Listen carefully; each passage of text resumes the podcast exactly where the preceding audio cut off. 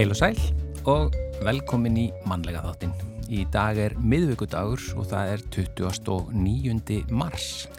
Og þennan dag 1875 hófst öskju gós og 17 jarðir á Jökuldal fóri í eyði vegna þess.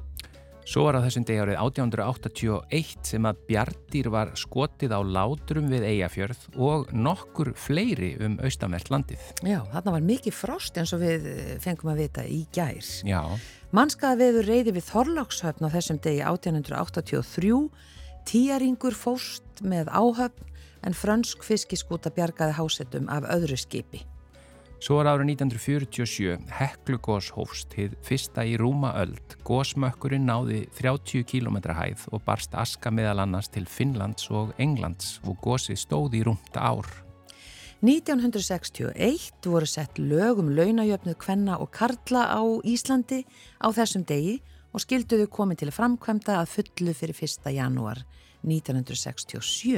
Já, var þetta ekki bara leirið þá 67 og allt, við þurfum ekki að ræða það síðan eða hvað? Akkurat, þarna var þetta bara, bara gerst 1, 2 og 3. Já, vá. Uh, Henny Hermannsdóttir, þá 18 ára, sigraði í keppninni Miss Young International uh, á þessum degi árið 1970. Keppnin var haldin í Japan. Svo var það 1985 að manni var bjargað úr jökulsprungu sem hann fjall í í kverkfjöllum eftir 32 klukkustunda byggð, getur Já. við sagt.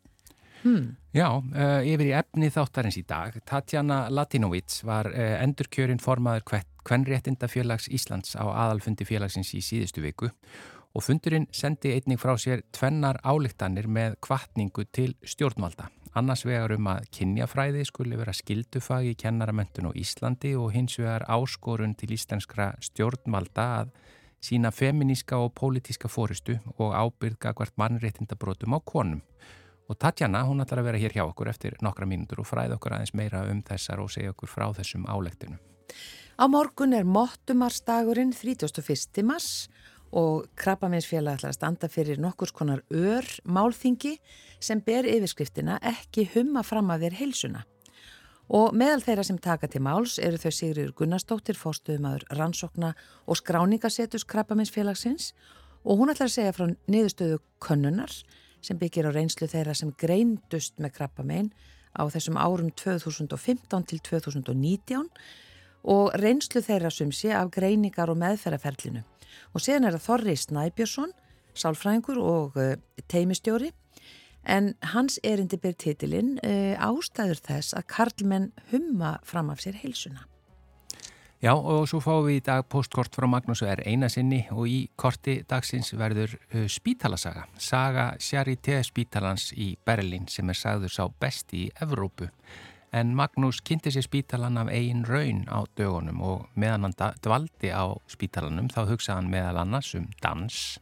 En almenn dansiðkun hefur snar minkað í hinnum vestrana heimi. Dansstaðir eru varla tilengur, diskotekin horfin úr flestum borgum og dans yðkun eina frum þörmum mannsins fer hverfandi. Hvers vegna og hvað kom í staðin? Vonandi svarar Magnús því í postkortinu. Já, hann á að minnstakosti texta hér hjá okkur í þættinum í dag. Já. Þetta lag heitir Sjatti Mollo, South River Band flyttur, Óli Þórðarsandi lagið og Magnús textan.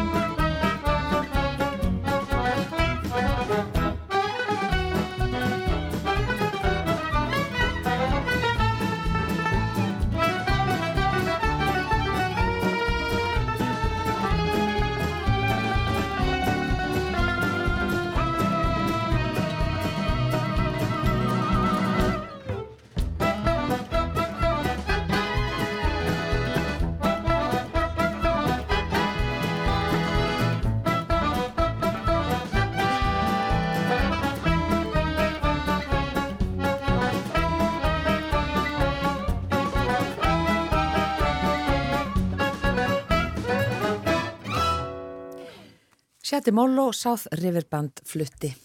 Já, eh, hingaðu komin Tatjana Latinovic. Eh, hún var bara endur kjörinn formaður Kvennréttindafélags Íslands á aðalfundi í síðustu viku. Velkomin í manlega þáttinn. Takk fyrir. Og til hamingju með endur kjörið. Takk hérlega. Hva, hva hvað er kjör tímabili langt? Hvað ertu búin að vera lengi? Ég er búin að vera fjögur ár. Þetta er, ég er að byrja að tríðja tímabilinu mínu. Tímabili, já, já, já. Það er formaðurinn kósin að tvekja ára fresti á aðalfundi. Já, en til hamingju. Aftur. Takk, takk. En það eru svona aðalega af þessum aðalfundi, þá eru það tvær álíktanir mm -hmm. sem að þið sendu frá ykkur. Eh, Væri eru til í að segja okkur hverjar þær eru? Já, aðalfundur, reynda félags hefur, það hefur lengi hefð að, að, að aðalfundurinn sem er svona æsta vald í félaginu uh, uh, álíkti um mál sem okkur brenna á hjarta og, og það hefur áhrif.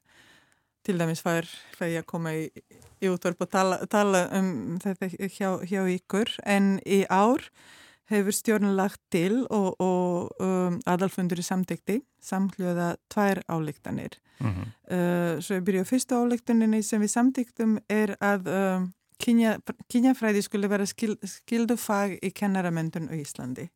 Og svo ég útskýri aðeins bakgrunnin uh, í þessu. Uh, við hefum, hvernig þetta félagi hefur lengi talað og þetta er stefna sinni að tala fyrir því að kynjafræði verði gert að fæja skildufægi í mendaskólum og efri uh, bekkjum grunnskóla á landi. Að það sé kent að þetta sé bara gott tól uh, uh, til að undirbúa börn og unglinga fyrir lífið. Og við höfum í gegnum árin mjög gott samtal við kynjafræði kennara Uh, á reglulegum fundum, árlegum fundum og kynjatingi sem við höldum og svo framvegis. Uh, uh, við heldum 2015 til dæmis samnorrend málþing í samstarfi við Jafnrættisnefnd kennara samvæts Íslands um kynjafræði í framhaldsskólum. Við höfum unnið að námsefni kynjafræði með kynjafræði kennarum sem er aðgengalegt á okkar heimasíðu. sem er alltaf til kennsli kynjafræði sem á gerð námsefnis í alltaf verið samvinnu. Mm -hmm. Nú, af hverju erum við að tala um þetta núna uh, til þess að geta kent kynjafræði í skólum? Þá eru við bara kennarar fyrst að læra um kynjafræði í, í sinni mentun og fá, eða í endurmentun, símendun, fá, fá því dólutæki til að geta gert það og um, Þess vegna álíktuðum við núna að Íslands stjórnvöld og háskólastofnanir innleiði kynjafræði sem skildufagi kennaramentun og öðru uppeldisnámi á háskólastíu og Íslandi. Við nefnilega heyrðum nýlega uh, kynjafræði er kent í dag á mentavísindasviði sem uh, Háskóla Íslands sem valfag. Já. Og svo koma þessar nýðuskurðakröfur allstaðar og, og okkur skilstað í háskóla fyrsta sem fíkur sem E, eru valfögin, þetta á ekki við bara þetta heldur almennt í, í átlum sviðum. Uh, þannig að uh, nú verið stemdi sem þetta, þetta valfag kynjafræði verður bara ekki kent á næsta ári á komandi míserum vegna, vegna þess að hagræðinga aðgerða En sko, og, nú, nú að því að það eru mjög, ég verð varfið að það eru margir sem áttast ekki alveg á hvað það verður að tala um þegar það verður að tala um kynjafræði. Og kynjafræði. Það er mjög mikið kallmenn en það er líka, ég hef líka heyrta frá konum, hvað, hérna, hvað í rauninni, eða getur útskist sko mikilvægi þess að koma því inn? Já, það er, um, já, það er sem sagt, uh, Mendun í kynja jafnbrytisfræðum mm -hmm. er margvíslegt, það er bara verið að kenna, nú, nú er ég ekki kennari í, í þessu og er ekki sérfræðingur en, en áhersla í þessu námi er lögð á kynfrelsi á sjálfsakvörðunarétt og, og þýðingu til dæmis samtækið sem kynferðislegum sam, samskiptum og þetta er svo mikilvægt að okkar mati fyrsta skref að, að byggja samfélag á, á nóbeldis. Við höfum heyrt til dæmis í, í uh, í gegnum árin uh, hafa komið upp mál í, í mentaskólum já, já, já. Eh, sem var það og, og það er svona ljóst að, að, að skólastofnan er ekki allar undir, undir það búinir og vita ekki hvernig að bregðast við. Þetta er kannski stundum í, í einhverju hlutverk dómara eða eitthvað meðan þau eru, eru að vera þar til að stýðja uh, börn eða ungmenni sem, sem eru í skólum. Þannig að þetta kennara, þetta kynja nám er svona bara veita þeim tól og tæki í, í, í þessu að hjálpa þeim að bara geta sinn starfinu sínu betur og, og samfélagið er breytast í Já. dag, þetta er ekki bara kynjajafbreytti, það er alls konar jafbreyttisvittir sem, sem, sem þarf að leggja meiri áherslu á þannig að við gerum skólaungveri og skólasamfélagi okkar örugari fyrir alla og betri. Já, við, við, tel, við teljum að kynjajafbreyttiskensla getur hjálpaði því. Já, hinn e, áskorunin hún er til íslenska stjórnvalda Já. um að sína feminíska og pólitíska fóristu og ábyrð. Já, Þetta er svona svolítið framhaldsáskorun að við, við, við, við álíktuðum í fyrra á svipundum nótum bara út af ástandi heiminum. Það er bara þannig. Við skorum til, til við byrjum áskorun til íslenskra stjónvalda að sína feministka og politiska fóristu og ábyrð gagvat mannréttindabrótum og konum. Ísland er uh, uh, bara í, í útlandum er paradís á jörðu í afbrettismálum og, og, og, og það er hort til okkar uh, og mikið og þó að okkur finnst mark, hér margt mæti betur fara en þá er samstaða okkar og tólóttæki sem hafa verið tróð hér á landi uh, bara miklu betri heldur en í öðrum löndum að, og á Íslands ég hlustað mm -hmm. þannig að okkur finnst að, að um, við kveitjum og við veitum að það sé gert að við smæli auðvitað en, en við, við, við kveitjum stjórnvöld og stjórnmála með og fóristu að, að sína þess ábyrg akkur mannréttindabrótum og konum með því til dæmis að vera leiðandi rödd uh, á aldjóða vettvangi þess efnis að öll ríki framfylgi svo kvöldu heimsmarkmiði 5 þannig að konur njóti fulltra mannréttinda á heimsvísu en bara það er ennþá þrætt um það hvort, í mörgum löndum hvort konur yfir höfu eiga að njóta mannréttinda Það er bara ótrúlegt að heyra þetta. Og sem það bara reynlega gera ekki. Sem gera ekki og bara eru ennþá þurfum við að breytti og svona uh, við viljum að glæpi ekki konun minnihlutahópin sem framinn eru á stjórnumvöldum í Íran, Afganistan og öðrum þjóðuríkjum eru fordæmdir og þar stendur okkur í stjórnumkvæmrindarfélags bara mjög nær þetta sem gerist í Íran og Afganistan að við höfum átt fundi hér á landi með konu frá Íran og Afganistan mm -hmm. sem, sem, sem hafa bara svona komið til okkar og, og við um rætum um stöðu og hvað er það sem við getum gert fyrir það er úti en líka fyrir það er hér á mhm. landi, mm -hmm. hvernig er þetta félagið vinnur fyrir allar konur í Íslandi um, að við viljum líka að stjórnur taki tillit til viðkvæmur stöðu hvenna og minniklauta hópa sem leita hælis á Íslandi að þessi kynjabreita sé tekin, tekin inn að, að konur sé að mörguleiti viðkvæmri stöðu út af, uh, út af kynni uh, mm -hmm. og, og hveitjum öll aðildaríki Evropur átsins til að fullgilda Ístanbúls samningin skilir í slöst og andafar mm -hmm. Þessa, hérna, þú segir þessi fastur liður hjá okkur í, á, á aðalfundunum og koma já, með álíktanir já. hvernig hefur þeim verið tekið í gegnum tíðina hafið, hefur þeim verið vel tekið að stjórnvöldum og hafið, hefur þetta virkilega náð í, í gegn? Vonandi, en stundum fáum við að heyra að þetta, þetta hjálpar já. eins og svona álíktun það bara hjálpar að, að stjónvöldum að segja angru fundum uh, úti að, að það er bara krafa kemur frá græsrutinni hvernig reynda félagi auðvitað bara græsrut og, og, og þetta er okkar að, að beita trýstingi og beita okkur fyrir þessu og, og sína uh, veita stjónvöldum aðhald.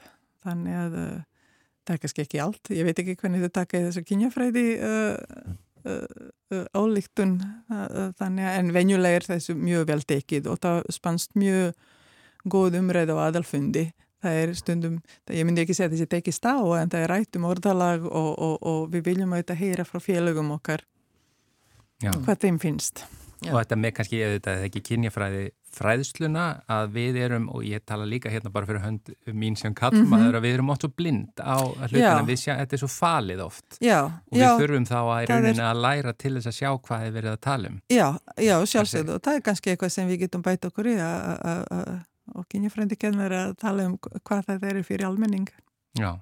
hugmynd fyrir kynjating okkar sem verður 13. mæ 13. mæ, við fylgjumst með því Já, þakka er innilega fyrir komuna í, í manlega þáttin eh, Tatjana Latinovits og til hamingi aftur með að vera endurkjörun formaður Kvennréttindafélags Íslands Takk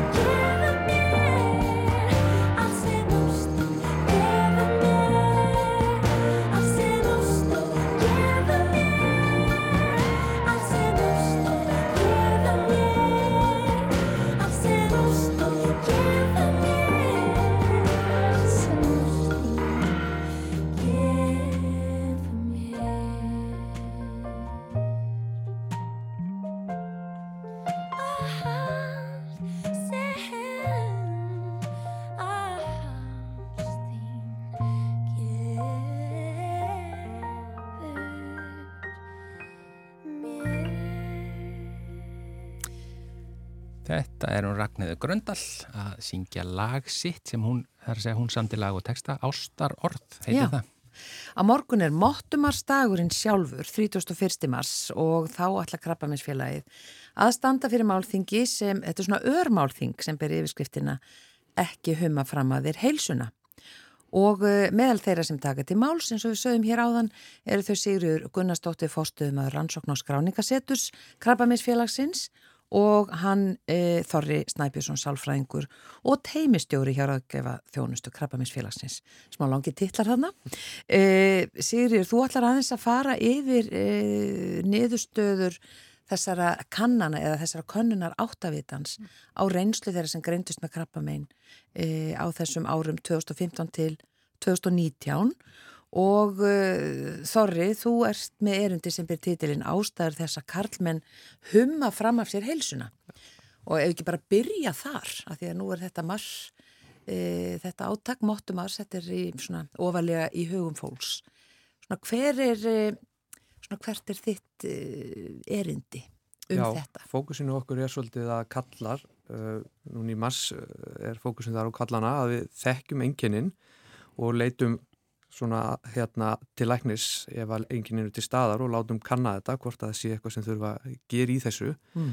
Uh, komum betur en þá eftir að, að rannsóknar segja okkur að kallar eru líklegir heldur um konur að, að humma af sér enginnin og ekki leita aðstofar og það áhugavert að skoða sko af hverju það er, hver er munur þarna og það getur þetta verið alls konar ástæður. Uh, eina ástæðanum er þetta bara ótti, ótti við bæði, uh, þú veist, enginin, þetta sé eitthvað alvarlegt, ótti við meðferðina. Uh, svo hafa rannsókn líka sínt að það er aðeins sko munur á kallmennum og þessu viðhorfum sem að kannski kallmenn mögulega hafa og líka kannski svona viðhorf sem eru til staðar í, í hérna, menningun okkar um að svona maður er að vera uh, kallmaður og, og standið af sér og ekki láta þetta svona hérna á sér fá og svona býta á jakslinn og halda áfram en við sjáum líka að skipti máli sko að þekk enginin ef við þekkjum ekki enginin þá auðvitað erum við ekki að fylgjast með þeim og við þá kannski erum ekki að, að fylgja þeim eftir þegar þeir komu upp Já. en það skipti líka máli hvers eðlis enginin eru og hversu uh, hamlandið eru, hversu mikið er trublokkur Þannig ef það eru ekki trubblokkur í daglegu lífi þá er kannski minni svona kvati fyrir okkur til þess að fara að leita aðstofur. Man sér það að kannski um, fólk býður eftir því að enginn er farin að hafa áhrif á bara getur nokkað til þess að taka þátt í, í starfi og, og, og áhugamálum og þess að þar. Og, og eins líka um, erum við að tala um hérna til dæmis, við erum að tala um ristil og við erum að tala um blöðruháls og þetta eru svona svæði sem eru svona viðkvæm og kannski vandræðileg og, við sjáum það að sumir tala um að það líka svona stoppi, að, að það er erfitt að fara til læknis og, og gera það niður um sig. Já, mm. en þetta eru einmitt krabbameinin, já, ef þau greinast mjög snemma sem mm. kannski svona mestar líkur eru á bata.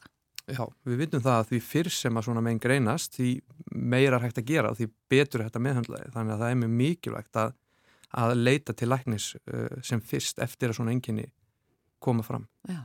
Þeir að benda á að, að vera vakandi fyrir einkennunum. Ef við förum aðeins bara yfir þau hvernig, hver eru þau? Þannig að maður geti verið vakandi fyrir þeim. Já, það er einmitt kannski ágætt að benda fólki líka á það að fara inn á heimasíðan okkar krabb.is og þar er undir eh, fræðslu og forvörnum hjá okkur. Þar er hægt að lesa sér betur til að því að það mann þetta náttúrulega engin eftir að ég er búin að hætta að tala En þetta eru svona hlutir eins og óvennilega blæðingar, sá sem ekki gróa, þykild eða hnútar, þrálátur hóst eða hæsi, breytingar á hægðum eða, eða þvaglátum og, og nýjifæðingablettir eða blettir sem að er að breytast og svona fleira í þeim dúr. Þannig að það er, við þekkjum okkar líka maður best og þurfum svona svolítið að læra á hann og, og taka marka á því þegar við verðum vörfið við svona breytingar. Já, mm. en þarna er það, þá karlmerðinni svona samt sem, já, bara kannski uh, hugsa ekki um þetta. Verða vari við þetta en uh, svona hummaða fram á sér. Það virðist vera, við kallanum við líkleri til þess að gera það. En auðvitað er það líka þannig að konur eiga það til líka. En, en svona samkvæmt þessu niðurstöðum að þá er, mm -hmm. það, þá er það fleiri kallar sem verður að skera það. Já, akkurat, já. Já. Já, og það skiptir mjög miklu máli. Uh, við gerðum, eins og þú sagðir á þann, þá framkvæmdi Krabminsfélagið rannsókn ára, árabilinu hérna 2000-2001 sem að náði til allra sem hefur greinst með krabbamein á árabilinu 2015-2019 og það var verið að skoða bara reynslu þeirra af greiningaferlinu og meðferð og, og svona lífsgæðum. Eh, fengum greiðalega goða þáttöku yfir 800 mann sem að svöruðu þarna. Og það sem að kom svo skýrt fram var að uh, það er stór hluti sem að fresta því að leita uh, leita sér hjálpar og, og fá hérna svona mat á sínum enginum uh, þannig að það var alveg sko fjórðungur sem að fjórðungur kalla sem að hafi leitað sér aðstofar innan hálfsmánaðar en 35% sem byðu alveg í tvo mánuð og síðan 14% sem byða í meira en ár Þrátt, skip... þráttur að vera bú, byrjaðar að finna Já. enginni og alveg klárlega ekkert eitthvað, engin vafi um það í rauninni eða hvað? Já, þeir kannski, kallarnir voru kannski heldur líklegir til þess að svona ekki alveg, eh, að því við spurðum um það, hvort að mm. fólk hefði grunað eða hvort að hefði átt vonaði að fá krabbmennskreiningu mm. og það voru ekki náma 35% kallana sem áttu vona því þannig að þeir kannski hafi ekki alveg verið með hugan við þetta en þetta skipti máli vegna þess að samkvæmt þessari rannsókn þá voru 42% þeirra sem að voru að greinast að þeir greindust eftir að hafa leita til læknis vegna engjana Þannig að það skiptir máli og eins og Þorri var að segja að þá skiptir máli að greina meinin fyrr mm. upp á bara möguleika á meðferð og, og, og bata. Já. Já. E, Nú sko við fengum smá ábendingu mm. að hérna frá kallmanni sem að bara sagði frábær auðlýsingaherfer, nú ætla ég bara að láta skoða mig. Hann mm. hafði mhm. ekki fundið fyrir neinum eh, einkennum þanniglega en hann mhm. hugsaði bara hva, hva, hvernig snýja mér í þessu mm -hmm. og honum fannst mjög erfitt að finna upplýsingar um það hvernig hann ætti að snúa sér yeah. meiri sér fór hann inn á síðuna og hann sagði allan að hann vildi meina hann eða ekki mm -hmm. svo endanum var hann bent á heilsugjæslu mm -hmm. og þá var þar ansi laung byggð mhm. og alveg margar vikur í byggð sem honum fannst eitthvað bagalegt mhm eðlilega en, en eh, það er kannski bara svolítið staðan eða hvað? Já, þetta er bara mjög góð ábending og þetta getur við bætt inn á, á, ákunnum leipinningum hann fyrir fólk bara til þess að svona fóta sig en eh, þú lýsir þarna dæmi þar sem við komandir ekki með enginni mm -hmm. og það, það er þá náttúrulega auðvitað eitthvað sem er ekkert sérstaklega brátt þannig að þú getur alveg beðið og þú getur á samtal við þína heilsugjæslu stöð og, og kannski bara beðið ykkur tíma því að það er ekkert sem bendir beilinist til þess að það sé eitthvað að. Við viljum náttúrulega að fólk sé greipi fyrir ef það er með enginni og, uh, og það á að geta hika við það að bóka sér tíma og, og þó að við viljum að, að, að tíminn sé eins fljótt og mögulegt er að þá er betra bókan að býða í fjóra vikur heldur en að bókan ekki. Já. Þannig að þetta fer allt eftir svona hversu brátt, uh, brátt þetta er. En vissulega getum við alltaf bætt okkur í því að bæta uh, upplýsingarnar. En er það semst ekki þannig að þeir út komin yfir einhvern vissan aldur eða eitthvað svo leiðis að það séu bara reglubundnar skoðanir hvort sem það eru enginni eða ekki?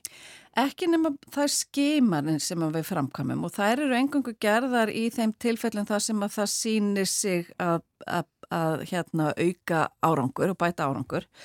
Og í dag eru hérna rannsóknir sem benda til þess að það sé uh, skynsalegt að skeima fyrir leghálskrabbaminni og brjóstakrabbaminni og ristil og endaþámskrabbaminni. Og við erum að vonast til þess að það hefjist reglupundin skeimun fyrir ristil og endaþámskrabbaminni núna síðar á þessu ári. Um, en það er ekki komin kannski, það er ekki sem bendir til þess að það sé skynsalegt að, að, að sko skeima í svona líðgrunda skeimun hjá einkennalösu fólki uh, fyrir öðrum krabbamennum heldur en þessum. Mm. Ja, akkurat. E, Þorri, að því þú nefndir hérna fyrst þetta með hérna óttan, svona hvað, hvað er hægt að gera til þess að, já hvað er það að koma á mótsvið hérna þessa karlmenn eða ná betur til þeirra eða einhvað svona þannig að þeir yfirstíði þennan ótta sem mm. þeir mhm. eru með. Það er auðvitað það sem við erum að reyna með þessu átaki að, að gera þá svona meðvitaðir um enginnin og, og hvað það þýðir og auðvitað er það þannig að sko eins og við erum búin að tala um því lengur sem þú býður því svona uh, uh, verri eru, eru horfurnar þannig að sko með því að óttast lækniskoðan og óttast það, þessa mögulegu greiningu því að auðvitað er þetta ekkert alltaf krabbaminn, það getur verið alls konar annað sem að líkur baki þessar engina að því fyrir sem að fær svar því fyrir sko veit maður hver hvað maður getur gert mm -hmm. að þá hérna hvort segja krabbaminn eða eitthvað annað þá getur læknirinn mögulega komið með eitthvað plan sem er hægt að vinna eftir og, og það eigði þá þessari óvissu því að óvissan er svo erfið því að þá fer hausinn bara flug og við förum að, förum að hugsa um alls konar villissu sem er mhm. kannski ekkit endilega sko í takti við það sem að raunveruleikin segir okkur Já. og oft er þetta sko eins og hún nefnir með fæðingabletti, oft er þetta þannig að það er þetta að koma inn og það er bara þetta fjallægan og, og, og í mörgum tilfellum er það bara í rauninni búið mm. en ef maður býður að þá þetta getur þetta verið orðið verra Já, þannig að þetta er tíminn skiptir öllu máli þarna. Mm -hmm. e, svona kannski aðeins bara sigriður af öðrum erundum sem er að flutta þarna á morgun. Svona já, dagskráin. Þetta er endur á föstudagsmorgunin Æ, meina það. Já, á milli 8 og 10 í húsi Kramminsfélagsins í skóli 8 já. og síðan verður málþinginu streymt á mbl.is þannig að þeir sem er ekki heimangengt að þeir geta fylst með. E, það verða sem við Þorri verðum hérna með einleg og ég mun segja betur frá þessari e, könnun áttavitanum og, og Þorri tala um þessar ástæði fyrir því að kalla hummi frem á sér. uh, og það er kannski, mér langaði að bæta þið við að niðurstöðunar áttavitanum eru hafa verið leiðbyrjandi fyrir okkur til dæmis með þetta áttak að við komumst að því að kallarnir eru líklegri til þess að býða og svona humma þetta fram að sér þannig að það er ástæðan fyrir að við tökum þennan vingil. Og við fáum síðan svona reynslu sögur á þessu málþingi annars vegar frá aðstandanda sem að uh, það sem að við komandi beigð of lengi sem er náttúrulega það sem við erum að reyna að koma í veg fyrir Já. og síðan fáum við aðra reynslu sögu frá um, manni sem að beigð ekki og, og fekk uh, þá aðstóð sem hann þurfti á að halda. Sem Þannig- betur fer hummaði þetta ekki að mér. Já, akkurat. Já. Já, þetta er áhugavert og uh, þetta eru stutt erindi og þess vegna er þetta svona einn örmálþing eins og þú Já, sagðir. og þetta er svona morgunverðar málþing þannig að það er hægt að skrá sig á heimasíðin okkar og, og koma og, og drekka með okkur kaffibotla og, og, og fá smá morgun, morgun hressingu. Já, stendur frá 8 til 10. Já.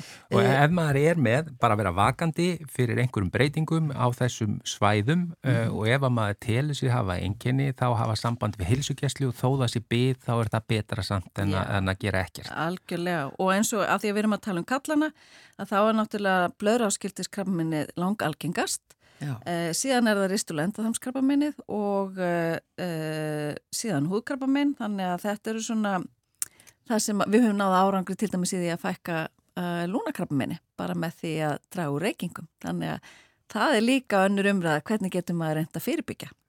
Já, Og einmitt kannski bæta við líka fyrir sérstaklega ungu kallmennina, þá er eisnakrabbaminnið, það er þó ekki algengt en það er þó algengasta krabbaminni hjá ungum kallmennum og það er til dæmis, uh, við mælum með því fyrir konur að þreifa brjóstinn mm. og við mælum með því líka fyrir kallmenn að þreifa pung og eistu til þess að gá hvort að, til að fylgjast með þar, hvort það sé einhverju breytingar. einhverju hnútar. Já, einhverju hnútar, Já, einmitt, hvað hva má maður, á maður, að því að það er að segja, getur maður fundið einhvað sem er öðruvís en hefur verið án þess að finna fyrir því, Já, já, í, Já, já. í þessum tilfellum. Já, oft er þetta einmitt einhverju hnútar þykildi sem að er ekki farin að valda neinum sko sársökaðin eftir svoleiðis en ef þú þekkir þetta svæði og ert vanur að þreyfa þá finnur þú þessar breytingar Já, og ef það eru breytingar þá er mikilvægt að einmitt láta skoða það. Já. Uh, bara takk kærlega fyrir að koma og uh, þetta, já, voru þau Sigurður Gunnarsdóttir, fórstöðum að rannsókna á skráningasetus Krabbaminsfélagsins og Þorri Snæpjusson, sálfræðingur og teimistjóri hér aðgefa þjónustu Krabbaminsfélagsins og það er þetta erindi, eða þetta málþing á föstudaginn. takk hjá fyrir komuna. Takk, Takk fyrir okkur.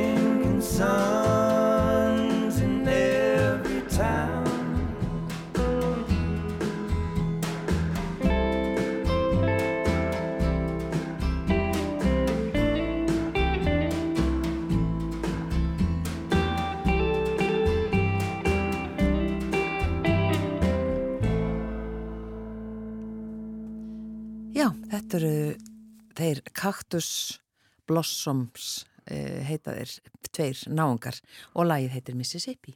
Já, uh, en það er komið að postkorti frá Magnúsi R. Einarsinni. Bjóðum hann velkomin. Heil og sæl. Fyrir fáanum dögum flugum við Kristín til Berlinar. Hún til að fara á ráðstöfnu í borginni en ég til að heimsækja són minn sem býr þar og stundar bladamennsku í nútíma stíl. Þar að segja pappislösan sjórnalisma og getur unni hvar sem er svo lengi sem hann hefur tölvu og er nettengtur. En nokkur eftir við komum til Berlinar fekk ég heiftarlega magapínu og fór á bráðadeild spítala sem hafði þar afðingar að ég var drifin í heilmiklu og yfirklipsmikla rannsókn sem enn er ekki að fullu lokið. En það er annar mál. Hitt er að ég rampaði fyrir tilvílun inn á bráðadeild spítala sem er í nágrinni það sem er búið. Þegar ég fór að skoða hvar ég var stattur þá sá ég og las að þessi spítali er sagður sá besti í Þískalandi sem og Evrópu og sá fymti besti í heimi hvorki meira enn í minna. Og þetta er að mati óháðra fjölmjöla sem fjalla um heilbriði og tengt mál. Þetta er risavaksinn stopnun, heilt hverfi inn í miðri borginni, háskóla sjúkarahús með langa sögu. Til spítalans var stopnað á amalistegi mínum 14. november árið 1709 með tilskipun frá Fredrik I brúsakóngi. Arftaki hans, sem hétt Fredrik Vilhjálmur, var rifin af franskum kúttur og nefndi spítalan Charité upp á fransku, en það orð þýðir kærleikur. Spítalinn var hugsaður sem vörn Berlínar gegn henni ægilugu bólusótt sem hafði stráfælt fólk í austur Prúslandi. Og Charité var háskóla sjúkrahus 1828 og starfaði merkilegt nokk við háan standard í Þíska alþýðulíðveldinu eftir að kommunistar tóku völdin í Austur-Berlín en spítalinn lendi þeim megin eftir stopnum Austur Þískalands. Landspítalinn okkar í Reykjavík er eins og trilla á móti þessum risa fraktara. Hér hefur meir en helmingurinn starfað af þeim þjóðverum sem hafa hlutið Nobelin fyrir lífeðlistfræði og læknistfræði og spítalinn er svo virtur, frægur og þektur að um hann hafa verið gerðar sjómarstáttarserjur, skrifaðar bækur, gerðar kvíkmyndir, samtir söngvar og hann er áldinn toppurinn á því besta sem gerist í læknavísundum í Evrópu. Þar held ég að ég sé í góðum söndum án þess að þetta postkort fara nú að fjalla um mínar búksorgir. En hér hafa ekki bara starfað og, og starfa miklir jörfar, frumkvöldar og snillningar í læknavísundum. Hinga kemur fólk til lækninga og öllum þreipu þjóðlýsins, Angela Merkel og allir hini kanslararnir, stjörnur og aristokratar, verkalýður og fátaklingar og allt þar á milli. Það er eftirsótt að komast hinga til lækninga. Charité, kærleikur heitir spítalinn og er sagður starfa eftir því heiti að fremsta megni. En svo segja bæklingarnir og heima sína. Hér starfa hvorki meira enn minna en 20.000 manns á einum hundra dildum og rannsóknarstofum. Fjórum sinnum íbúatala vestmanniða það ég bý. Eins og áður sæði þá hafa verið gerðar sjómarserjur um lífið á spítalanum, alls þrjár serjur eða átjám þættir og serjurna slói gerðsamlega í gegn og hafa verið síndar út um allan heim og dreift á stórum efnisveitum eins og Netflix sjálfsagt kannast einhverju hér við þessa þætti. En þá að allt öðru. Mín fyrsta reynsla af hljómsveitarmennsku var að leika fyrir dansi. Ég byrjaði mjög ungur, var varðla orðin 13 ára því ég spilaði fyrsta dansleiknum en þeir áttu eftir að verða fleiri. Það er alltaf sérstatt samband sem myndast millir dansfóks og hljómsveitar. Það er ofta skemmtlegt og náið. Flestir ef ekki allir á valdi sama rythmans og ef hljómsveitin er í góðu formi þá skilaði það sér á danskólfunum.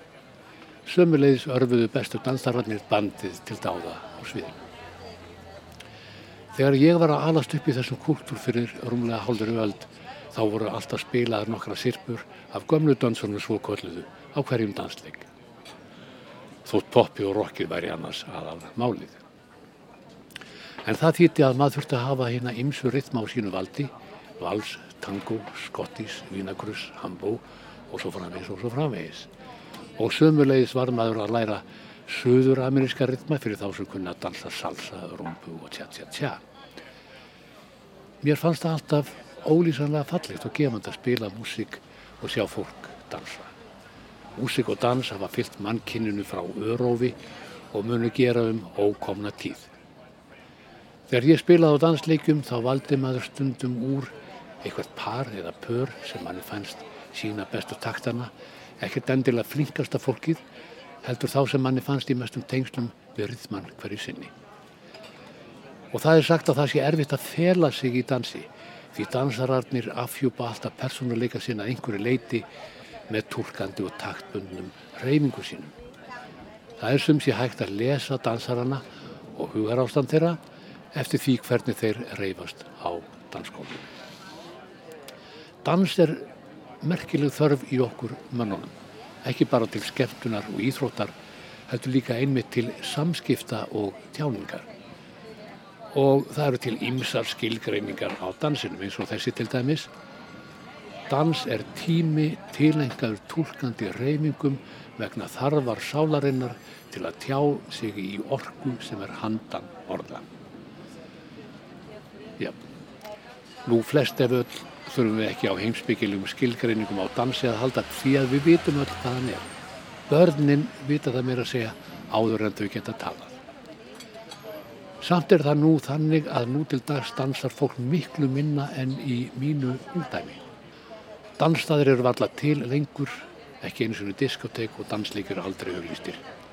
Hvers vegna þróunin hefur orðið á þennan veg veit ég ekki og það er spurning. Dansin var stór hluti af samkvæmis og skemmtana lífi fólks og okkur krökkunum var kendur dans í skólanum fyrir austan, dansnámskeið á hverjum vetri fyrir allan bekkin. Þá komu mentaðar dömur í dansi að sunnan, sjarmirandi en dominerandi og kendu okkur ekki bara gamla dansa, heldur líka það nýjasta, tvist og shake.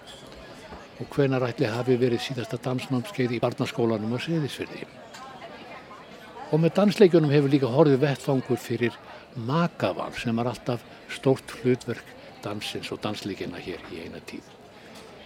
Einmitt það hlutverk dansins hefur greinilega verið stúderað mjög náið ef marka má hversu mikið er um það að finna á hinn viða veraldar vef. Ekki veiti hvernig unga fólki ber sig að í dag, en dansleikirnir voru aðal vettfangurinn til að finna sér maka til stýttri eða lengri tíma. Strákar hafa reyndar alltaf verið tregar en stúlkur til dansiðkunar og fleigar eru hendingarnar í læginu Luftkítar með Johnny Triumph og Sigurmólarum. Ég dansa ekki, stelpur dansa. En hvað hefur komið í staðin? Fólk dansar ekki eins og áður.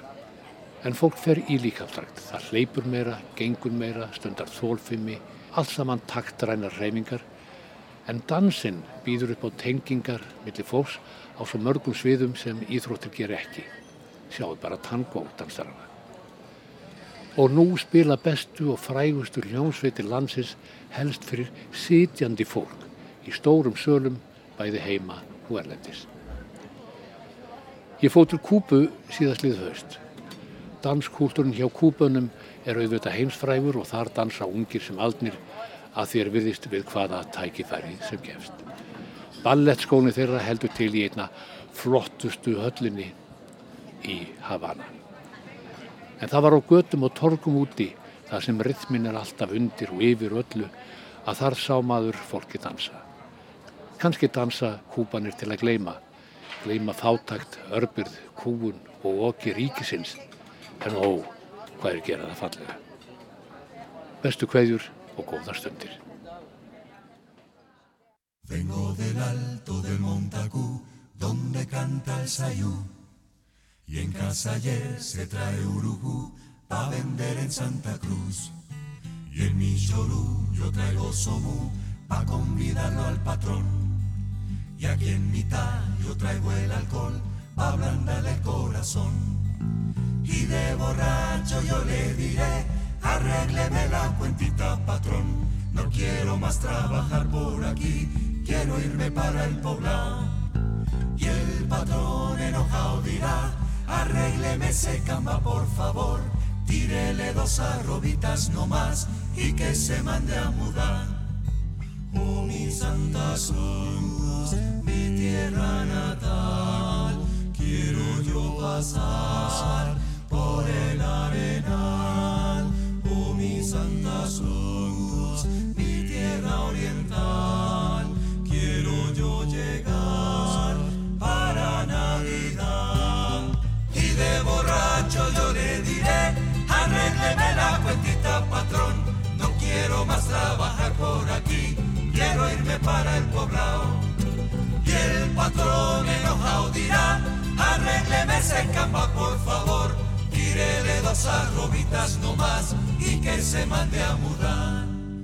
Vengo del alto del Montacuz, donde canta el sayón, y en casa ayer se trae urujú pa' vender en Santa Cruz. Y en mi chorú yo traigo somos pa' convidarlo al patrón. Y aquí en mitad yo traigo el alcohol pa' ablandar el corazón. Y de borracho yo le diré, arrégleme la cuentita patrón. Quiero más trabajar por aquí, quiero irme para el poblado. Y el patrón enojado dirá, arrégleme ese camba por favor, tírele dos arrobitas nomás y que se mande a mudar. Já, þetta var ágætt í framhaldi af eh, tali Magnúsar um eh, dans í postkorti dagsins. El Gambo Guendo Fuga og við þökkum fyrir samfélgina í dag þennan uh, miðvikudaginn Já, verðum hér aftur. 29. mars Já, og, og bara þannig við ítryggum það því að var aðeins sagt vittlust í upphafi að þetta þing á vegum 8. mars er sem sagt á förstu daginn, 31. milli 8 og 10 Já, eh, en við þökkum innlega fyrir samfélgin í dag og verðum hér aftur á sama tíma á morgun. Verðið sæl